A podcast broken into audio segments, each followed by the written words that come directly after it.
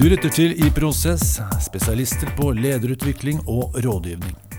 Mitt navn er Tor Berntsen, og jeg sitter her i biblioteket på Grand Hotell med to interessante gjester. Da vil jeg gjerne starte med å ønske velkommen til Unni Kvisvik, Head of Welfare i Tieto Evry. Hei, Unni. Hei. Hva kan du si litt om Tieto Evry, og hva du mener er spesielt viktig i din rolle? Jo, Tieto Evry er et av, om ikke det største IT-selskapet i Norden. Og vi består av seks uh, selskap i dag. Eller Ja. det har blitt fem, faktisk. Tieto Evry Create, Banking, Tech Services, Industry og Care. Og jeg jobber i Tieto Evry Care. Og vi har fokus på å levere programvare og tjenester til helse- og velferdsområdet Ja. i Norden, men også etter hvert Europa. Du nevnte at dere hadde restrukturert litt, og du har fått ende-til-ende-ansvar. Kan du si litt om uh, Ja, hva det er for noe? Det er jo en ny strategi til selskapet, der vi nå har ansvar i hvert av de fem selskapene, fra A til Å. Og det gjør at vi får større handlingskraft og rom, som vi opplever at er nødvendig basert på de behovene vi ser i markedet, for å få levert meningsfull teknologi, som vi er opptatt av. da. At Ja. vi tar samfunnsansvaret vårt med å være en aktør som skal bidra med teknologikunnskapen, den aktøren som har kunnskap om teknologi, for å løse de utfordringene som vi ser. Annet, eh, som er nevnt i helsepersonellkommisjonsrapporten, Tid for handling, at det er mangel på ressurser i alle nivå ut i det offentlige fremover. Akkurat. Ja. Mm. Så jeg husker riktig. Det, er det, stemmer det at dere har holdt på veldig mange år, men at dere har bytta navn underveis? Var det, var det en gang Posten Logistikk? Kan det stemme? Ja, vi har, eh, vi har jo holdt på innen helse- og velferdsområdet i 50 år. Okay. Eh, Så når jeg ble ansatt i 2006, så het det Tieto Enator. Og da hadde vi flere tjenester også til post og energi, olje. Akkurat. Så det er stadig endring. Så det selskapet her eh, er gode på å gjennomføre endringer ofte, og så når de ser at det ikke er nødvendig, mindre ofte. Så bra. Da vil jeg gjerne ønske velkommen til vår andre gjest. Baste Amble, Director of IT Global Shared Services at DNV. Det norske Veritas. Takk. Kan du si litt om DNV og hva du mener er spesielt viktig i din rolle? Ja, DNV er jo, eller Veritas som det går under i Norge. Eh, vi er jo et globalt selskap som driver eh, På engelsk kalles det assurance. Uh, Dvs. Si å sikre, hjelpe kundene å sikre verdiene sine. Eh, Det vil være seg eiendeler, eh, eller liv, eller miljø. Og det går jo helt tilbake til starten fra DNV startet i eh, 1860 med å begynne å klassifisere skip fordi at man skulle ha en mer rettferdig fordeling av eh, risiko eller forsikring. Og Det er egentlig det som er grunnverdien fortsatt i DNV. Det er å eh, gjøre risikovurderinger, klassifiseringer, sertifiseringer, valideringer for å kunne hjelpe kundene å eh, sikre sine verdier. Um, så det, og det er grunntanken i Maritime i dag. Uh, vi har Energy Systems som uh, jobber innenfor alle sektorer innenfor uh, energi, Ja. og en del andre forretningsområder. Jeg er leder globalt for IT, og så leverer alle IT-tjenestene og alt IT til alle si, selskapene i DNV globalt. Så min rolle er jo egentlig både si, en strategisk rolle med hvordan bruker vi teknologi til beste for eh, medarbeiderne i DNV, men også ut eh, tjenestene mot eksterne kunder. Ja. Og da er jo det å se dette i en global setting til seks forskjellige forretningsområder i DNV.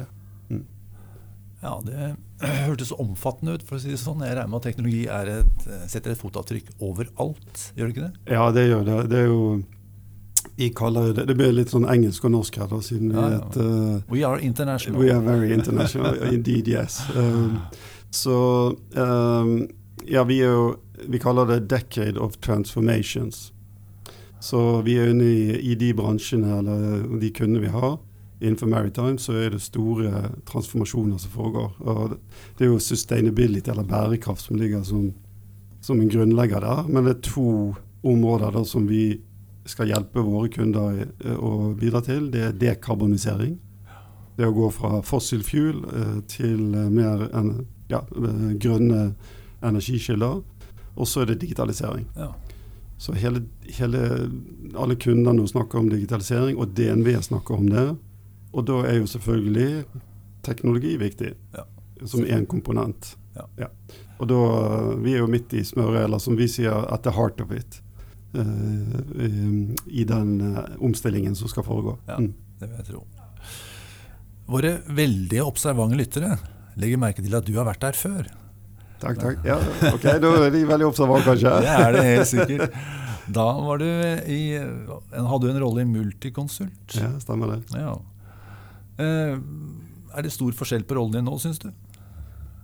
Uh, ja og nei. Ja, altså det er jo, jeg var IT-direktør i Multiconsult. Uh, Multiconsult er et fantastisk flott selskap også. Uh, begge er ingeniørselskaper, Ja. så det er litt sånn grunnverdiene ligger i Det er noe felles der, ja. Ja, noe felles der. Multiconsult er jo norsk marked, så vi har ikke den globale dimensjonen som, eh, som DNV har, som er på en måte en, eh, en ekstra dimensjon og en ekstra kompleksitet da, Ja. i dette her. Ja, det. Og så er det litt forskjellige bransjer også. Uh, ja, så er det større videre. Men uh, noen strek og noen uh, forskjeller, selvfølgelig. Ja, Mm. selvsagt. Mm. Unni, jeg er opptatt av at lytterne våre blir kjent med mennesket bak lederrollen. Kan du fortelle én ting om deg selv som gir oss et inntrykk av hvem du er? Som menneske, liksom. Mm, ja, jeg tror jeg vil beskrive meg sjøl som allsidig, Ja. og er veldig glad i folk. Eh, Jeg er nok den som samler venner og bekjente i sosiale lag eller aktiviteter, fordi jeg er også veldig aktiv. Jeg liker å, å gjøre løp, gå på ski, være ute i båt, gå på fjellet. Allsidig, vil jeg si. Ja, Og glad i folk. Glad i folk, ja. Er, jeg må kommentere på det, altså, for det er eh, flere og flere som sier at de liksom er spesielt opptatt av mennesker. Altså ledere som sier det. Så det er nok et trekk ved kulturen i dag. Baste, jeg er opptatt av at lytterne våre blir kjent med deg også. Kan du avsløre noen personlige hemmeligheter for våre lyttere? Dette var vel ikke en del av skriptet, at vi skulle komme med personlige eh, innrømmelser her, da. Nei, nei. Vi har konkurranser på jobben, quiz, musikkquiz, og da gruser jeg de andre. Så det, det, er liksom, det er ikke en hemmelighet lenger. Uh, Så du Ja. kan mye om musikk også? ja, jeg er veldig interessert i musikk. Ja. Hva slags musikk? Du, jeg er litt det er Eklektisk, er det det det heter på fint? Ja, det heter det. Mm. Litt av det, beste av, av det Det beste av alt. det må være eh, Det må jo treffe noe i en, da. Så jeg hører veldig mye på klassisk. eh, opera eh, liker jeg veldig godt. Det er jo det er jo Puccini og, og Wagner og, og, eh, og Verdi, selvfølgelig. Og så er jo Gustav Mahler eh, favoritten når det gjelder eh, den type. Og så hører jeg veldig mye på pop og rock, selvfølgelig.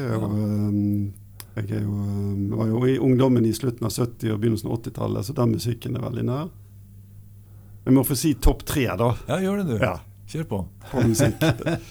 Det er jo Beatles som det ene. Altså, du, du kommer ikke utenom Beatles uh, i vår uh, Ja, ok. jeg si, del. Og så er det Prince, Ja, som, eh, Som et geni. Ja. Og så Jeg har ikke så mange helter i, i, eh, i Altså sånn som jeg tenker jeg er helt, men eh, David Bowie, det var eh, helten min. Akkurat. Da deler vi eh, det. David Bowie er min eh, favoritt, da. Det er det, ja, og så er det Haya Sakaita, så det her varierer veldig.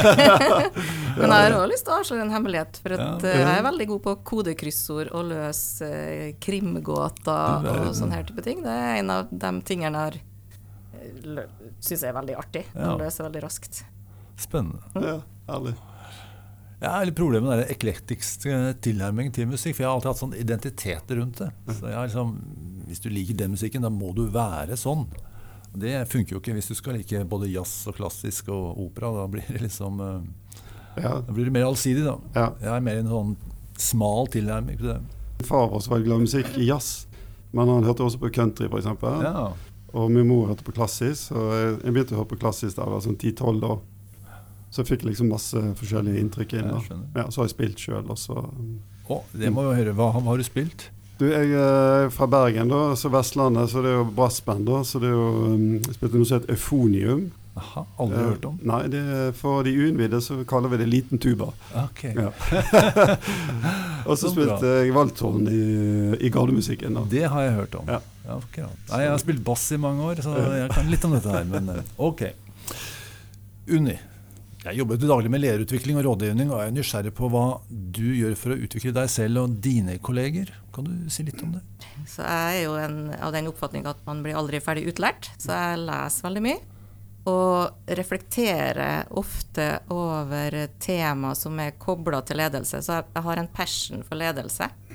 Det, er- er et fag for meg, rett og slett. Eh, og når det gjelder det å utvikle andre, så er det eh, veldig forskjellig, fordi du må bli kjent med personen. Bygge tillit og forstå hvem du er du leder, for alle er forskjellige. Så jeg har en individuell, coachende, tillitsbasert, relasjonsbasert stil, da. Og da opplever jeg det at det blir veldig godt mottatt, for at eh, dem du leder, opplever å bli sett. Men noen ganger som leder så må du også ta beslutninger uten å ta hensyn til det, og da er det veldig viktig for meg å ha god kommunikasjon med hvorfor gjør jeg det, hva er det som skal skje, og hvordan skal vi få til det her sammen. Eh, Og noen ganger lykkes en godt med det, og andre ganger så er det mer utfordrende, da. Ja, Men jeg har veldig fokus på, på å utvikle meg sjøl i det å lære, og, og veldig kritisk til meg sjøl i okay. forhold til at jeg alltid kan bli bedre. Ja, ja. Og nå jobber jeg beinhardt med ledelse og kommunikasjon, f.eks. Ja. Som en må jobbe med hele livet, etter min mening. da. Ja, men det du sier er jo at uh, læring eller utvikling er jo den der interaksjonen i hverdagen som Ja. er nummer én for deg. da. Ja, Så har jeg det er sikkert supplementer andre steder, men det er godt å høre. Hva med deg, Baste? Hva gjør du for å utvikle deg selv og dine kolleger? Jeg kjenner meg mye igjen i det du sa. Um, det jeg, altså jeg, personlig så er jeg også veldig sånn søken, på søken og fakta eller informasjon, kunnskap. Uh, leser mye. Um, jeg syns det er viktig også uh, med nettverk, å få impulser fra andre. Det har gått litt i bølgedaler hvor mye man prioriterer det, eller er bevisst det. da. Så nå i det siste har jeg tenkt veldig mye på det at jeg skal bruke nettverk uh, mye mer. da. Altså for å få ja, få innspill og, og lære, da. Um, det andre ting, I DNV så har vi en del sånne ledelsesutviklingsprogrammer. Så da er jeg alltid, Vi har piloter på en del ting, og da, da er jeg alltid frivillig og ønsker å være med. Ja. Og så er det å i, eh, sammen med, med egne ledere, da, eller de som rapporterer til en, også være um, Bruke tid på dette. Ja. Altså ikke bare på saker, men også på hva er ledelse, og hva, hvordan jobber vi sammen, og hva er viktig, og forventningene til, til de, da. Så jeg, jeg begynte jo i, i DNV for to år siden, og, det, og så har det kommet inn noen nye nå i ledergruppen, da, så det er jo, ser vi på hvordan skal vi utvikle oss som ledergruppe. Ja. Eh, og da kjører vi en sånn ja, en, en serie da, med litt sånn workshops og selvrefleksjon og ja. Ja, det er viktig å prioritere det, for man blir jo ikke målt på dette. ikke sant? Er Du blir målt på resultater og kanskje noen oppgaver som er utført. Men øh, hvis man ikke har dette perspektivet, i tillegg å prioritere nesten regelmessig, i fall øh, Ja, da, vi har jo Så blir det dårlig DNV er jo et, sorry, ja, er et ingeniørselskap. Så vi har jo sånne pulsservice, vi kaller det da, som vi gjør annenhver måned. Og der eh, blir jo du målt som leder på hvordan du skaper engasjement og Ja, ja. autonomi, og hvordan folk oppfatter det. da. Ja. Og der er jo hvis du får uh, uh, si, resultat som er nedadgående, og sånn, så ikke for å straffe folk, men da er jo det liksom hva, hva kan man gjøre for å forbedre situasjonen? Da? Det samme har jo vi som selskap, og jeg tror Mm, veldig mange store selskap har det. da. Ja. Men eh, hvis jeg skal legge til noe, da, så er det ekstremt viktig å være tydelig på rammebetingelsene i det selskapet du er i. Ja. Og jeg liker å lede etter verdiene som selskapet har, at det er verdibasert ledelse. Ja. Og så er jeg veldig tro mot det, og kulturkoden til selskapet, da, sånn at du må forholde deg til det selskapet du er i, og tilpasse deg, eh, og også sikkerstille at eh, når, for meg da, som leder ledere, så må jeg utvikle lederne så de er i stand til å lede eh, det operasjonelle eller andre ledere. Da. Så det er ulike former for ledelse som utføres. Da. Ja. Jeg har jo også vært leder i hele verdikjeden. Eh, salgsleder, supportleder, produktsjef, eh, leder, utviklingsleder. Og det er en enorm styrke som jeg tar godt vare på, da, for jeg forstår, forstår verdikjeden som jeg sitter og leder hver dag. Da. Ja, det er godt. Det er mange verdikjeder som er litt komplekse. Det er Det ikke er alle det. som skjønner sin rolle i verdikjeden bestandig. Mm. Mm. Vi er jo opptatt av å lede endring og drive reell endring. eh, Ikke, ikke liksom-endring, for å si det sånn. Eh, Og eh, I dag skal vi snakke litt om hva som skiller de lederne som virkelig driver transformasjon, fra de som bare later som. Jeg synes Det er litt sånn småfrekk problemstilling. er det virkelig noen som bare later som? Hva tenker du om det, dette perspektivet, Unni? Tror du at det er de som ikke gjør dette skal si, grundig nok? Da? Tror du at de egentlig vet hva som er den gode måten å gjøre det på? At det er litt sånn at det er, det er innsiktsdrevet? Mhm. Eller Jeg tror det at uh, alle kommer på jobb hver dag og ønsker å gjøre en god jobb. Og så er det sånn at vi alle er forskjellige og har ulike styrker. Og det er ulikt hvor bevisst den enkelte er på sine egne styrker. Noen Ja. ganger så er det drivkrefter som at en ønsker en lederjobb fordi at en skal være en leder, men kanskje ikke har tenkt gjennom om en har egenskapene til å være det, da. Eh, og det her tror jeg Jeg tror alle kommer på jobb og ønsker å gjøre en god jobb, men jeg tror det at dem som lykkes, er dem som tør og veit eh, Har noen verktøy i verktøykassa si hvordan skal gjøre det. For jeg tror dem som ikke lykkes så godt, det er ikke helt forstår hva de skal gjøre, ikke helt vet om det de har tenkt å gjøre, blir rett og blir redd for å ta beslutninger, redd for å gjøre feil. da. Mm. At det trenger ikke være mer komplisert enn som så. Nei, nei. Eh, og- når jeg er i hvert fall min form for ledelse, så er jeg veldig opptatt av at du skal ha rett person på rett plass. Fordi min jobb er å tilrettelegge for at den enkelte skal få kjenne på hvor godt det er å levere når du bruker styrkene dine, og ha, for da får du mest energi i løpet av dagen. Mm. Når du jobber mest med det du er glad i å gjøre. Ja. Og det, det blir veldig godt mottatt, eh, opplever jeg sjøl i hvert fall. Eh, det er plusser og minuser på feedback du får, men når eh, det her gjennomsyrer kulturen, så får du et veldig sterkt team. ja. Jeg tenker litt, eh, litt i samme bane, men jeg tenker også det der med eh, Det er kanskje litt samme, da. At eh, eh, late som Ja, eh, jeg tror man er genuint interessert i å gjøre en god jobb for, for selskapet eller for der man jobber. Eh, men så kan det være Er man satt i stand, altså er man satt i stand til å faktisk være med og gjøre den, eh, de endringene som, som kreves, da ja. eh, fra omgivelsene og fra le sin leder og, og, og, rundt det. da. Um, og så kan det være som du sier, evne til det òg. Um, og, og det er jo mange ting vi kan komme inn på her da, sant, i forhold til uh, endringer og hva, som skaper eh, gode eller varige endringer. da, Ja. som, som engasjement og involvering. og jeg har jo flere eksempler fra tidligere i, i min eh, si, karriere hvor det har vært bestemt at vi skal gjøre en, en del endringer. Og så har man en eller annen grunn, uh, ulike grunner, ikke involvert f.eks. nivået under. da. For det, ja, man har vært redd for den risikoen, eller kanskje da sprer det seg, osv. Og, og det har jo skapt utrolig mye vanskeligheter senere i, eh, i, i, i implementeringen, da, eller gjennomføring. Um, og, da kan det være at noen later som, eller For de tror ikke helt på dette, eller ja. de har ikke forstått det, eller ja. Ja, skjønner. Mm. Men jeg tror jo det at hvis f.eks. våre verdier da er jo tillit og, og mangfold og åpenhet. Mm. Og hvis du er så åpen som du kan være da, i et børsnotert selskap, så, så, og du bygger tilliten, så skal det veldig mye til til å ikke lykkes. Men min lærdom gjennom livet er at jeg har blitt bevisst på å velge min sjef. Eh, fordi det er jo lederen din som må hjelpe til å tilrettelegge for, sammen med deg, da, at du skal lykkes med de store, litt tøffe endringsprosesser. Endringer er jo det eneste konstante i livet, så det omgjøres jo hele tida. Så min taktikk er jo å ufarliggjøre det. Ja. Og ta det trinnvis, ikke revolusjon, men evolusjon, når det er mulig. Noen ganger må du jo gjennom det revolusjonære, da. Ja, ja, ja. Du nevnte selvinnsikt eller bevissthet i stad. Eh, Det er kanskje flere grunner til at folk blir ledere. og En av de er kanskje dessverre status. Det er en måte å rykke opp på. Eh, Og så er det da ja, Man rykker opp fordi man ønsker mer status, ikke fordi man er genuint interessert i ledelse eller egnet som leder. Eh, Er, er det noe dere har erfart at det er flere, eller altså, Har dere erfaring med ledere som Oi, du er egentlig feilplassert. Ja, vil jeg si. Ja. Altså, men det er jo min opplevelse. Ja, det er jo ikke sikkert, Nei, ikke sikkert er eh, andre syns det.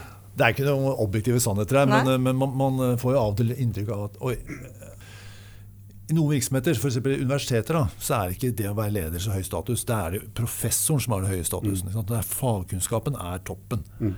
Og ledelse er noe man Det er administrasjon. ikke sant? Det er ikke noe gøy i det hele tatt.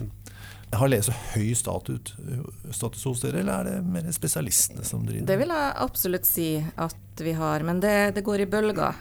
Ja. I noen eh, faser så er ledelse i seg sjøl nok. Andre gang så er ledelse pluss fagkompetansen eh, satt høyt fokus på, fordi da er du enda sterkere som leder hvis du leder tekniske fagmiljø, Ja. f.eks. Men på det forretningsnivået som jeg sitter, så er det i høy grad fokus på, på ledelse som du skal være sterk på, både kommunikasjonsmessig ut mot investorer, Ja. men også internt. da. Men da er det ledelse som eget fag? Ja, mest, ja. ikke sant? Ledelse som fag, og vi har eget program, lederutviklingsprogram, som mest sannsynlig de fleste store selskap har. da. Helt, helt klart. Ja, hos oss også er ledelse veldig sånn, sterk. da. Eh, det som kanskje, Jeg vet ikke om det er spesielt for DNV, men som kjennetegner også DNV som et si, veldig faglig tungt nei, altså kompetansemiljø, da, så, så likestilles nesten ledelse og eh, si, altså faglig utvikling. Så vi er i, i si, karrieremodellen Så hvis du er for eksempel en global leder innenfor ett område, eh, altså faglig sett, da, Ja, så har det like høy status som om du leder nesten et, et forretningsområde. ikke sant? Eh, og det ser vi også i, i, i den eh, trinnmodellen vi har, da, eh, på hvem som er på de øverste trinnene. Så det, det er litt interessant, da. Men det, det vektlegges veldig ledelse også, Ja. eh, som en egen si, fag. Eller. For dette er det som på en måte driver eh, endringen og, og, eh, og selskapet videre. Da, sånn. Dere leder jo eh, begge si, høykompetente spesialistorganisasjoner. Og da, hvis vi gjør det litt enkelt, så får du på en to faggrupper. Det ene er spesialister, og så får du generalister. Og Spesialistene er liksom er tung fagkunnskap. Og så generalistene er lederne, som i og for seg blir spesialister på ledelse. de også, Så alle er på en måte spesialister i dag. Um, har dere klart å, å gjøre, lage karriereveier som gjør at um, det er flere karriere, karriereveier enn å bli leder? Eh, at det er liksom spesialistkarriereveier også? Med Ja, jeg har jo på en måte hatt det, for jeg har jobba 16 år i Helse Midt-Norge som bioingeniør, så jeg har jo helseprofesjon. og Pandemien viste jo at det kommer jeg til å være hele livet, for når det var pandemi, så var det veldig behov for ressurser inn i laboratoriene til å analysere. Og da ble jeg jo forespurt om det som bioingeniør. Men okay. da måtte jeg være der jeg var, fordi vi var også en samfunnskritisk eh, eh, organisasjon eller firma pga. at vi leverer pasientjournaler Ja. til kommuner, f.eks. Ja.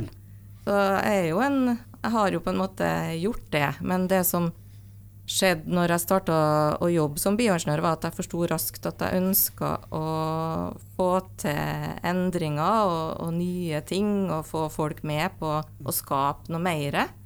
Og da når jeg kom til Tito Evry som domeneekspert, så var det et selskap som, der du fikk mulighet til utvikling hvis du sjøl ville. Ja. Og da starta min karriere, og etter hvert der så ble det bruk av mentor og coach for å finne ut skulle jeg gå HR-retning eller forretningslederretning. Så jeg har jo ikke gjort det her alene, for hvis du jobber bare inni ditt eget hode, så tror jeg ikke du utvikler deg så bra som leder som når du sparrer og, og deler og forhører andre sin oppfatning av deg, da. Og personlig så har jeg eh, hoppet fra hatt mange ulike roller innenfor IT. da. Egentlig økonom, eh, siviløkonom, og så med litt eh, studier i IT ved siden av. Eh, jeg begynte å jobbe med IT og har jobbet med det hele karrieren. da. Men jeg har jobbet med egentlig hele bredden av, av IT. da. Ja. Så, så jeg kan jo egentlig ikke så mye om, om hvert enkelt, men jeg kan veldig mye om hvordan ting henger sammen og helheten. da.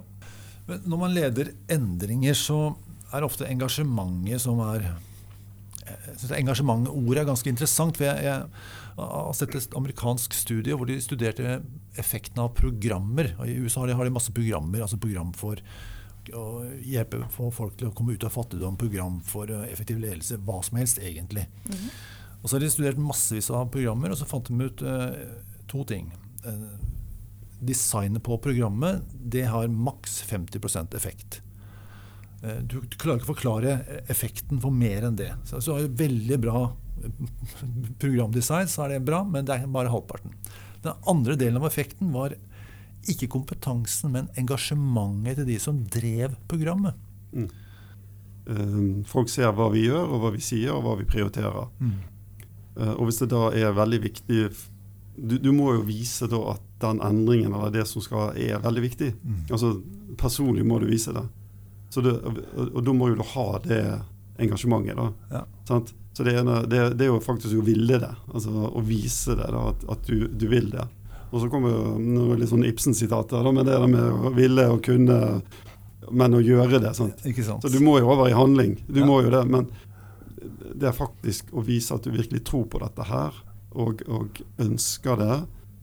Og så, da må jo du faktisk legge noen uh, aksjer i det sjøl. Ja. Ja, på en måte. sant?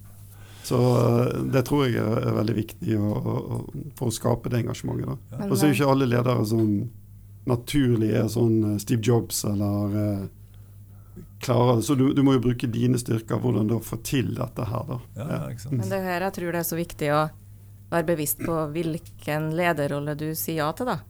Fordi For meg så er det viktig å være en autentisk leder som er ekte. Mm. Eh, og jeg brenner for å tilføre samfunnsverdi innenfor helse- og velferdsområdet. Og det, det, tror jeg blir synlig for dem du leder, for det er drivkrafta mi. Pluss at jeg er ekstremt resultatorientert og konkurransemenneske, som ikke er en ulempe når du leder sånn, et sånt, i et sånt selskap som vi er. da. Men det å være autentisk, det tror jeg er ekstremt viktig, og jeg tror kanskje det er det eh, som den undersøkelsen nå viser. da. Mm. Så er det jo, Den setter jo eh, litt fokus på at uh, kanskje endringsledelse er mer emosjonelt enn vi kanskje har liker å omtale det som. Altså vi, vi, mennesker liker å se på oss selv som rasjonelle. Og jeg har studert mye av forskningen til Daniel Kahneman, og han bekrefter det motsatte. Vi er mye mer emosjonelle enn vi liker å tro. Uh, og da, hvis ledere skal få folk til å gjøre noe nytt, som kanskje er en terskel å komme over, så må de ha med seg følelsene sine. Er det noe du kan kjenne deg igjen i, Unni? Ja, absolutt. Og du må ha veldig respekt for eh, følelsen dem du leder også får, for de er veldig ulike når ja, du får eh, utføre det her. Da. Men for meg så er det veldig viktig at endringsledelse det er en del av hverdagen vår. For det eneste konstante i livet er endring. Det er ikke noe skal, skal på en måte være en del av beinmargen vår til slutt. Det her at det skal ikke legges så mye vekt på endringsledelse, gjøre det riktig i forhold til kotter tør heller å gjøre feil og forstå at det er en del av hverdagen vår hver ja. eneste dag. Ja. Og så ha respekt for at vi er forskjellige, og, og, ta oss tid til å gi rom for å være forskjellige. Mm. Mm. Da er jo inne på det som jeg også har tenkt litt på med, med endringsledelse. Endringer, det er jo den eh, i mangel på et mer presist ord, kanskje kultur, da. Ja. Eller atferd og holdninger og alt. Eh, så hvordan, og det, det, det, jobber vi en del med nå, med å prøve Hvordan skaper vi egentlig den eh, kalde kulturen da, i forhold til at eh, med, med, endringer, da. Eh, og det er litt sånn buzzword som, eh, som flyter rundt, da, men eh, growth mindset er et sånt buzzword som er brukt en del. Ja. Men for meg så er det rett og slett bare at, at hver enkelt tror på at de har evnen til å lære seg nye ting gjennom eh, andre òg. Ja.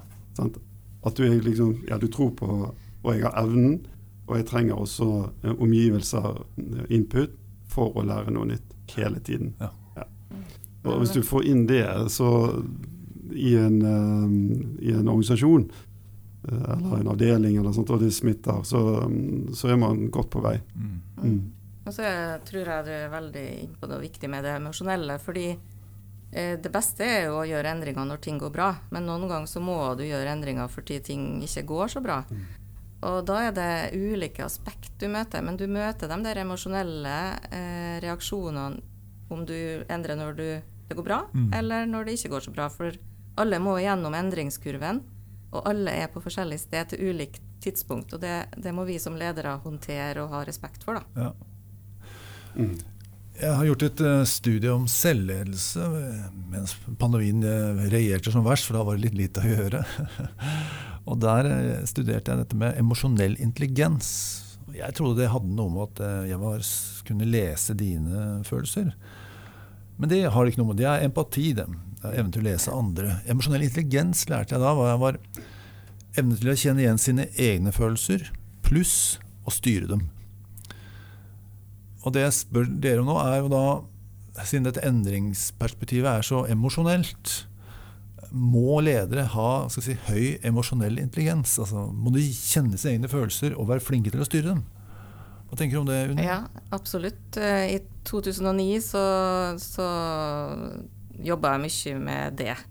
Og jeg var altfor impulsiv, f.eks. Og ja. måtte ha jobba masse med å bli mindre impulsiv og ta meg tid til å tenke før jeg agerer. Det er veldig, veldig viktig som leder. Så svaret er ja. ja eh, emosjonell okay. intelligens er viktig, men også empati. Ja. Du kan ikke, og så er det, du må sette alle disse intelligensene sammen i en pakke, sånn at du har et bevisst forhold til eh, hvordan du opptrer når. da. Så det å bli mer bevisst på hva du gjør når som leder, at den dagen du kjenner at OK, nå bruker jeg det verktøyet, det, det er en veldig god dag. Mm. Å kjenne det at nå har jeg faktisk blitt så bevisst at jeg vet hvilket verktøy jeg bruker når. Ja. Istedenfor at det er bare intuisjon, eller fordi du har egenskaper at du, du gjør det, da. Jeg jobbet med, mange år siden jobbet jeg i uh, Valenius Wilhelmsen i shipping. og han som var leder da, Inger Ingar Skau, han var en av, ganske tidlig ute med verdibasert ledelse i, i, Norge. da. Og et av mantraene var der også, som jeg har liksom vært en av ledestjernene mine, da, det er uh, 'know thyself'.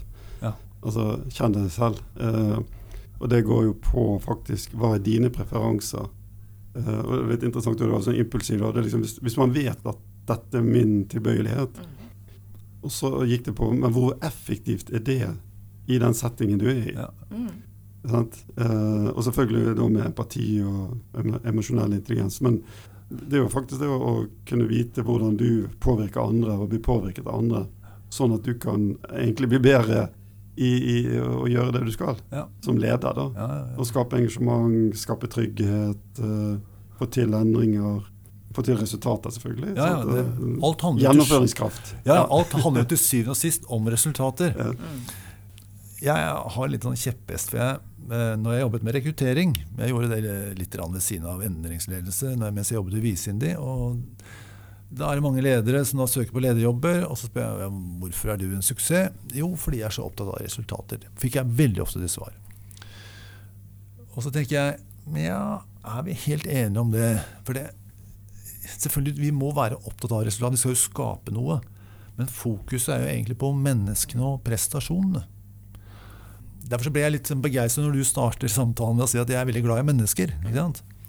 Og Det hører jeg oftere og oftere i denne podkasten. Og det, det, tror jeg er helt riktig fokus. Altså, hvis du er virkelig opptatt av menneskene uh, og leser de godt og forstår de godt, og som du sier, kjenner deg selv og vet hvordan du faktisk blir påvirket, er ganske viktig, mm. og kan påvirke, da, da, er vi på rett spor, da, tenker jeg. Mm. Og det, er det strider kanskje litt mot den der superrasjonelle Kotter åtte trinn. ikke sant? Vi skal ha en endringsprosess her. Vi designer den opp ferdig. Vi har pulsundersøkelser. Ja, men jeg tror du trenger også struktur. Du trenger også change management. Da, ja. den, du trenger de strukturene og planene og hvordan skal du kommunisere. Du trenger hele det apparatet også, da. Men det er ikke tilstrekkelig. Sant? Det er det vi snakker om her. Ja. Uh, og det er mer den genuine uh, si, uh, ge, altså genuine ledelsen, da. Og da må jo du ned i hva er det som trigger folk. Um, altså hvilke følelser har de da for det du skal gjøre i forhold til endringer. Altså, uh, og det går på verdier, og, og, og, og så gir det utslag i en atferd. Ja. Jeg må utfordre litt. Randet, For jeg er helt sikker på hvis jeg ringer dere begge to i neste uke og sier du kan vi ta en prat, og jeg foreslår dagen etterpå, så er dere opptatt. Mm. Og nå skal vi gjennomføre en endring, og, og vi, har vi da tid til å tenke på følelser, snakke om følelser, gå ned i dybden der, eller blir det bare fiks det, liksom, i tempo? Hva tenker du om det? det? Eh, jeg nok jeg vet ikke om jeg er annerledes, men måten jeg gjør det på, er at jeg setter mennesket i fokus, og da kommer resultatene. Så for min del så har jeg f.eks. hvis jeg er på et av våre kontor, åpent møte med Unni, alle kan komme og dele. Eh, jeg har alltid sagt chat, send en chat til meg, så finner jeg tid. Og jeg finner alltid tid. Ja. Fordi det er viktig å være tilgjengelig og engasjert, til stede, tydelig for meg. Ja. Og det her er, tror jeg gjør at jeg klarer å bidra til å bevare en kultur som faktisk er veldig god allerede, men også ta godt vare på den og ikke ødelegge den gode kulturen. da. Mm. Så jeg er nok en annen type leder der jeg prioriterer menneskene veldig, veldig høyt. Og finner, fordi om kalenderen min er full, så jeg får en chat, så finner jeg ei luke og omprioriterer for å snakke og lytte til folk og stille åpne spørsmål. Og, og få dem til å være trygge på at det er lov å gjøre feil. Da. Mm. Og da øh, utvikle eller coache på selvledelse ganske mye, da. Ja. Så jeg bruker mye energi og tid på det. Du har nevnt dette med å gjøre at det skal være lov å gjøre feil, Mhm. sikkert tre ganger i denne samtalen. Ja. Si litt om hvorfor det er så viktig. Jo, fordi det er Jeg vet ikke om det er noe spesielt nå, men jeg har sett det f.eks. når jeg er med å rekruttere, så sier jeg alltid at eh, nå må vi bli enige om en ting. At eh, det her skal være rett for deg, og så skal det være rett for selskapet du kommer inn i. Det er ikke om å gjøre å få jobben. Det er ikke derfor du sitter her. Vi må være sikre på at du får det bra når du Ja. kommer hit, og at Matchen er god, liksom. matchen er god. Ja.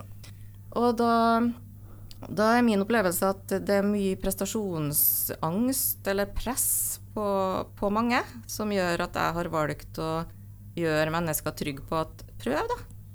Prøv det her nå. Og hvis det ikke går så bra, så ordner vi opp i det. Ja. Eh, og jeg trenger ikke å ha kontroll på alt. Jeg har veldig sånn trua på at de, det, det her kan dem. La dem finne ut hvordan de ønsker å løse det sjøl. Og så ser vi hvordan det går, og så justerer vi underveis. Eh, det er min approach, da. Eh, og noen kanskje tenker at eh, det får hun Unni til ganske bra. og Andre kan tenke at fy søren for en kontrollfrik. For at du må ha ulike typer måter å gjøre ting på basert på settingen du sitter i, da. Ja. Jeg setter av tid til som fokustid, så jeg blokkerer altså sånne små triks. da, Blokkerer tid i kalenderen. Og da kan man bruke det til, som du sier, da ta den dialogen, ringe til folk eller Ja. eh, snakke med folk. da. Um, og så prøve å forstå litt sånn mer eh, bakgrunnen og hvor de kommer fra eh, i, i den samtalen. da. Mm. Kan jeg gjerne legge til at uh, For min del også har jeg reverse mentor. da, Mm. At jeg har mentor som er 26 år. Eh, som må hjelpe meg nå med å se på hvordan kan vi få til asynkron kommunikasjon, sånn at det oppleves som lederen er synlig og til stede, uten å være fysisk til stede. Ja. Og det, det er så artig. Jeg lærer så Ja. mye av dem som er unge og fremadstormende. Mm. Og det funker. Det er også en sånn eh, vi, Det går begge veier, en mentor og mentee. da, Så det, det er veldig lærerikt. da. Eh, litt av min utfordring er vel kanskje også at jeg, eh, jeg er jo leder globalt, da, så jeg har jo IT-ansatte i 21 steder i, i verden. da. Så jeg skal jo være på en måte leder for alle. Mm. Så det å skape den nærheten til de som sitter i Kina eller Houston, eh, eh, det er litt mer krevende. Eh, men det jeg prøver der, er jo faktisk Jeg har vært fysisk der, sånn at jeg møter de. Ja. Um, for det gir jo en veldig stor forskjell til senere chat og, og dialog på, på video osv. Så, så der, det Nå var det begynt under covid, så da gikk det litt tid. Men nå har jeg vært stort sett rundt på de, på de største kontorene og truffet folk. da. Eh, og det, det er så mye bedre, selvfølgelig. ja, ja, klart det. Samme opplever vi òg, fordi vi leder jo geografiske spredteteam, Ja. både jeg og du. Mm. Og da det hjelper veldig å, å bryte ned litt barrierer og bygge tillit når du har møtt noen fysisk eh, minst én gang. Mm. Og da funker jo alt det digitale også veldig mye bedre etterpå. Men det å ha respekt for kultur og, og ulikhetene som finnes i de ulike landene, er også noe vi ledere må ha med oss da, for å lykkes godt med å få til det. Ja, absolutt. Mm. Eh, det er jo en, enda en sånn dimensjon i den endringsledelsen. da. Mm. Det, det som er litt interessant, syns jeg, i DNV akkurat på det eh, temaet, uten å lage for stort eh, vi, vi, snakker, vi, altså vi har det med kultur ligger som en, altså ulike kulturer. Det ligger som en sånn ter, eh, bakgrunn. Men det er jo mer og mer det er liksom individet. Da? Altså diversity i forhold til hver enkelt person. Da. Men så har du selvfølgelig, kommer du fra India, så har du en, en tradisjon for og en kultur med deg. Kommer du fra Norge, så har du den vi eh, kan være blunt og si hva vi mener på en del temaer som ikke de ville vært åpen på, f.eks. Så vite, vite sånne ting, da. Det er superviktig. Mm. Det er vel slik at uh, veldig mange selskaper er gode på saker og strukturer. Uh, det gjør seg pent på powerpointer, og det kan illustreres med, med grafikk osv. Og så blir det lederens oppgave da, å ha fokuset på menneskefølelser, kulturer, alle de andre perspektivene som uh, ja, de det soft skills. Jeg, det er ikke så, soft betyr ikke lett, i hvert fall. Si det sånn. Jeg bruker JTI-profil i, i, arbeidet mitt. Da. Og der er det tydelig at Eh, noen mennesker har eh, lite kontakt med følelsene sine, og noen har sterk kontakt med følelsene sine. Det vil at Vi har forskjellig mengde følelser òg, hvis man kan kalle det det. Jeg vet ikke om man kan illustrere følelser som en mengde, men det virker som om vi har omtrent like mye følelser alle sammen, men det kommer til uttrykk på forskjellig vis. da. Og det er klart at eh, Man kan godt tenke seg at i et, i et veldig sånn saksorientert miljø så vil folk som har lite kontakt med følelsene sine, ha en slags fordel, eller de vil gli lett inn. Mens i en endringsprosess da, hvor jeg stort sett antar at følelsene har stor verdi, eller blir aktivert mye, eh, så er det en forutsetning å, å, å, ha kontakt med følelsene og kjenne etter og liksom, le, bruke de til å lese andre.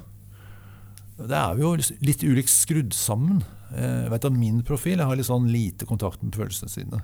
Sånn sånn intuitivt. da. Mm. Og jeg har øvd meg mye på å virkelig kjenne godt etter. Altså hva føler jeg nå? Eh, føler jeg noe egentlig? Eller, ikke sant? Mens jeg kjenner andre som har det helt motsatt. De bare, de, det er svingere hele tiden. Hvordan er det med dere? Er, det, er, du sånn som meg, eller er du motsatt? Eller hva vil du si? Jeg er nok motsatt, ja. ja. Det handler om Jeg tror det handler om eh, bagasjen du har med deg, oppveksten du har, hvilke opplevelser du har gjennom hele livet ditt. Hvor bevisst du er på det, og hvor mye kontakt du er med følelsene dine. Ja. Jeg vet jo hvorfor jeg er blitt som jeg har blitt, for jeg har jobba veldig mye med det fra jeg var veldig lita. Ja. Seks år tror jeg jeg starta å måtte gjøre det. Mm. Av forskjellige årsaker som i oppveksten min. da. Ja. Eh, og det er, Vi er alle ulike, og det som jeg er opptatt av, er at det er veldig viktig å ha et team som ikke er alle er like. Vi må være mest mulig ulike mm. i et team for å få frem alle disse aspektene her. Og da blir vi også sterkere ut når vi skal gjennomføre endringer som et lederteam. Da. Og det, det Vi er forskjellige. Ja. Ja, det er absolutt. bra. Ja, ja, det må det være. Og det, det, ulikheten bidrar til økt bevissthet. Ja. For plutselig får du en helt ny tanke. Mm -hmm. uh, hva med deg, Baste? Er du skrudd sammen som meg, eller ligner du litt mer på Unni? Kanskje litt mer mot deg. Ja. ja uh, det, er det er jeg helt enig i at det går tilbake til uh, hvordan man var i barndom, og hvordan man ble møtt, og hva som var viktig i, i, i hjemmet der man vokste opp, og lærer og alt dette. Så tror Jeg også, jeg begynte jo som konsulent, uh, og da var det veldig sånn du skulle være veldig prof profesjonell. Ja. Som sånn konsulent. Og du skulle, det, så jeg gikk mange år og tenkte at det, det var liksom det beste. Men så etter hvert så skjønte jeg jo det, og fikk også tilbakemeldinger når man også som konsulent er et, uh, byr på seg sjøl, så liker jeg å kunne det mye bedre. Ja, ikke sant? sånn? Så det har vært en litt sånn utvikling for meg å liksom bruke mye mer av hele meg, da. Uh, i, uh, i, altså i jobbsammenheng, da. Så vet jeg at jeg har en del andre sånne ting. Jeg kan jeg elsker sånne digresjoner og, og altså Hjernen min er sånn at det er digresjoner og Sånn, og det, Jeg kan ikke alltid gjøre det som leder. Jeg kan ikke liksom forsvinne ut i noen sånne morsomme greier når vi skal holde på med noe sånt. Og Det, det glemmer jeg av og til. da. Så da ser jeg liksom folk sier nå, oi, nå forsvant jeg ut i et eller annet. Så, da, så du må jo liksom eh, av og til uh, faktisk ta på den. Da. Nå er det den profesjonelle som skal kjøre det, det showet eller noe sånt. Da. Ja. Kombinasjon av selvinnsikt og selvdisiplin er greit? liksom. Ja, nettopp. Det er godt sagt. Ja. Men samtidig også, jeg har jo gjort et valg om å ikke spille ulike typer roller, for det er det jo ledere som velger å gjøre, da. Ja, ja. Eh, men det, jeg er Unni. Mm. Men men har selvdisiplin og, og klarer å oppføre meg eh, sånn som jeg skal i ulike typer settinger. Men jeg er Unni, sånn mm. at eh, det er ikke så ja, det, vanskelig å bli kjent med meg. Da. Ja, det er jeg helt enig i. Man, man, må ikke liksom ta på seg uh, ulike det kan jo være noen unntak der. At du mm. må faktisk av og til ta på en, en rolle, da. Det må du. Uh, I noen settinger. Uh, for det er ikke alt som kan være åpent hele tiden. Sånn. Da må du ha en rolle. Uh, så det Ja. Men det bør ikke være helt ulikt den du er mest komfortabel med? Nei, da, sånn. da tror jeg etter hvert og Det vil jo gnage på en, da. Ja, altså, ja, det, ja du, du får det ubehagelig i deg sjøl, det blir ikke troverdig. Og i dag så er troverdighet uh, helt avgjørende. For å si det Ja. sånn. Men når, eh, når forskerne har studert effekten av endringer de siste 30 årene, så viser jo flere studier at hele 70% er mislykket. Vi når ikke målene. Og dette har jo plagd meg litt, for jeg kan jo ikke si til mine kunder at det kun er 30% sjanse for å lykkes. Så vi har en eh, ny metode som bygger på en studie fra 2020, hvor det viser seg at når vi involverer medarbeiderne etter en bestemt struktur, så blir hele 80% av endringsprosessene vellykket. Altså, I mitt hode er dette en game changer. Baste, hva tenker du om betydningen av involvering? Så for meg er det ser vi også det med autonomi, da, at folk føler at de kan påvirke egne arbeidsoppgaver. Det er jo, det er jo så viktig i dag, spesielt når det blir så spesialisert. Og da er jo involvering at de faktisk blir med å kunne utforme også det nye på det. da, altså De kan være med å påvirke det. da. Eh, ikke bare hvilke følelser de har på det, men faktisk eh, selvsagt. altså Følelser er jo viktige, men at de også er, føler reelt at OK, vi skal gjennom en endring. Det kan være at jeg liker det eller ikke liker det, eh, men OK, dette er veien det går. Men jeg kan faktisk være med og, og forme den endringen da, Ja. innenfor det som jeg er opptatt av. da. Og, det, det, det, den, men jeg syns det er vanskelig, for det er jo sånn balansegang. da.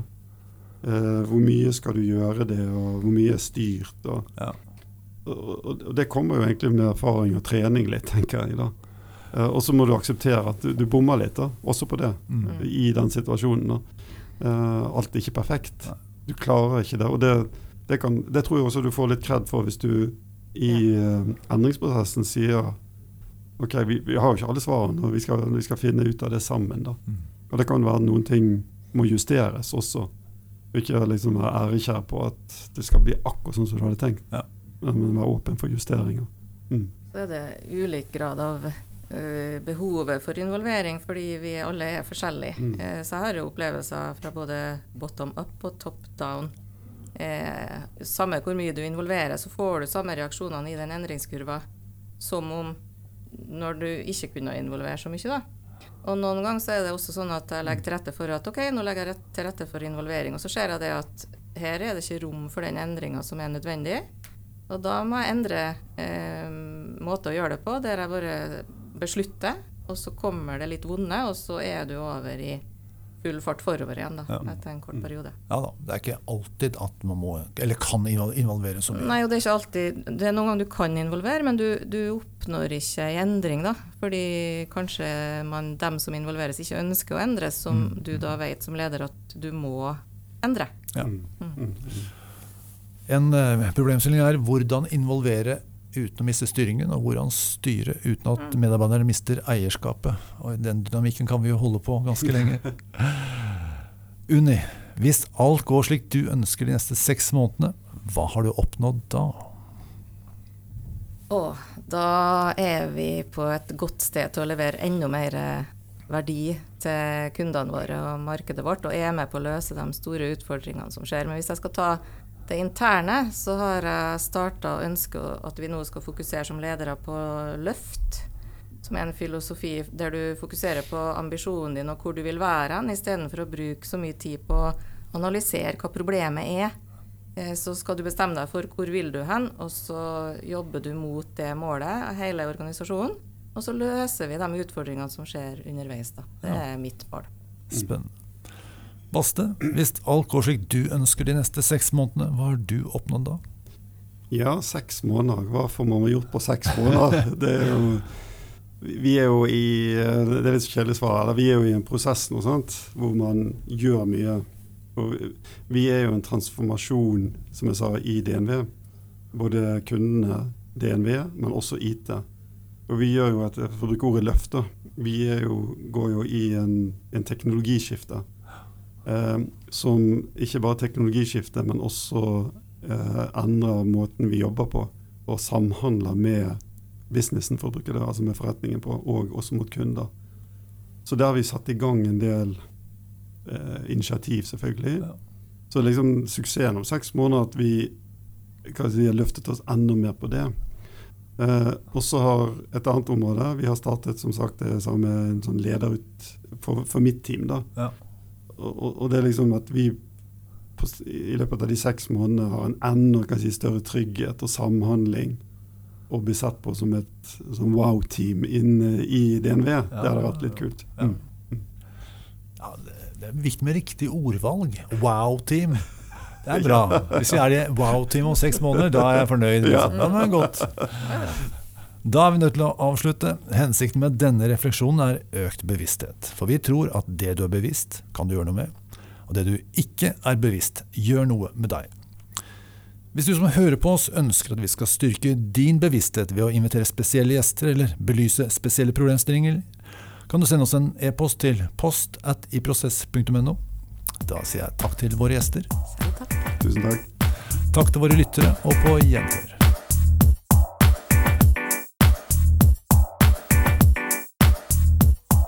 Hei, jeg vil gjerne ha din oppmerksomhet litt til. Jeg har nemlig noe du trenger. Som du vet, jobber vi med lederutvikling. Og tradisjonelt har det vært å utvikle ledergrupper eller gjennomføre lederprogram på konferansehotell. Gjerne kombinert med coaching på ditt eller mitt kontor. Det gjør vi fortsatt. Men nå har vi online lederprogram, som gjør at du kan utvikle deg selv og dine ledere uten en ekstern konsulent, eller med bare litt støtte. Hva betyr det for deg som leder? Jo, to ting.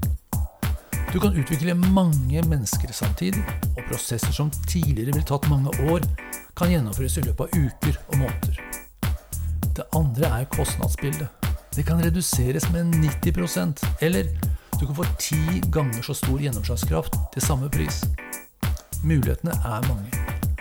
Gå til iprosess.no, eller enda bedre, ta kontakt på post at iprosess.no. Så kan vi avtale en prat om hva som passer for deg og din virksomhet. Vi snakkes.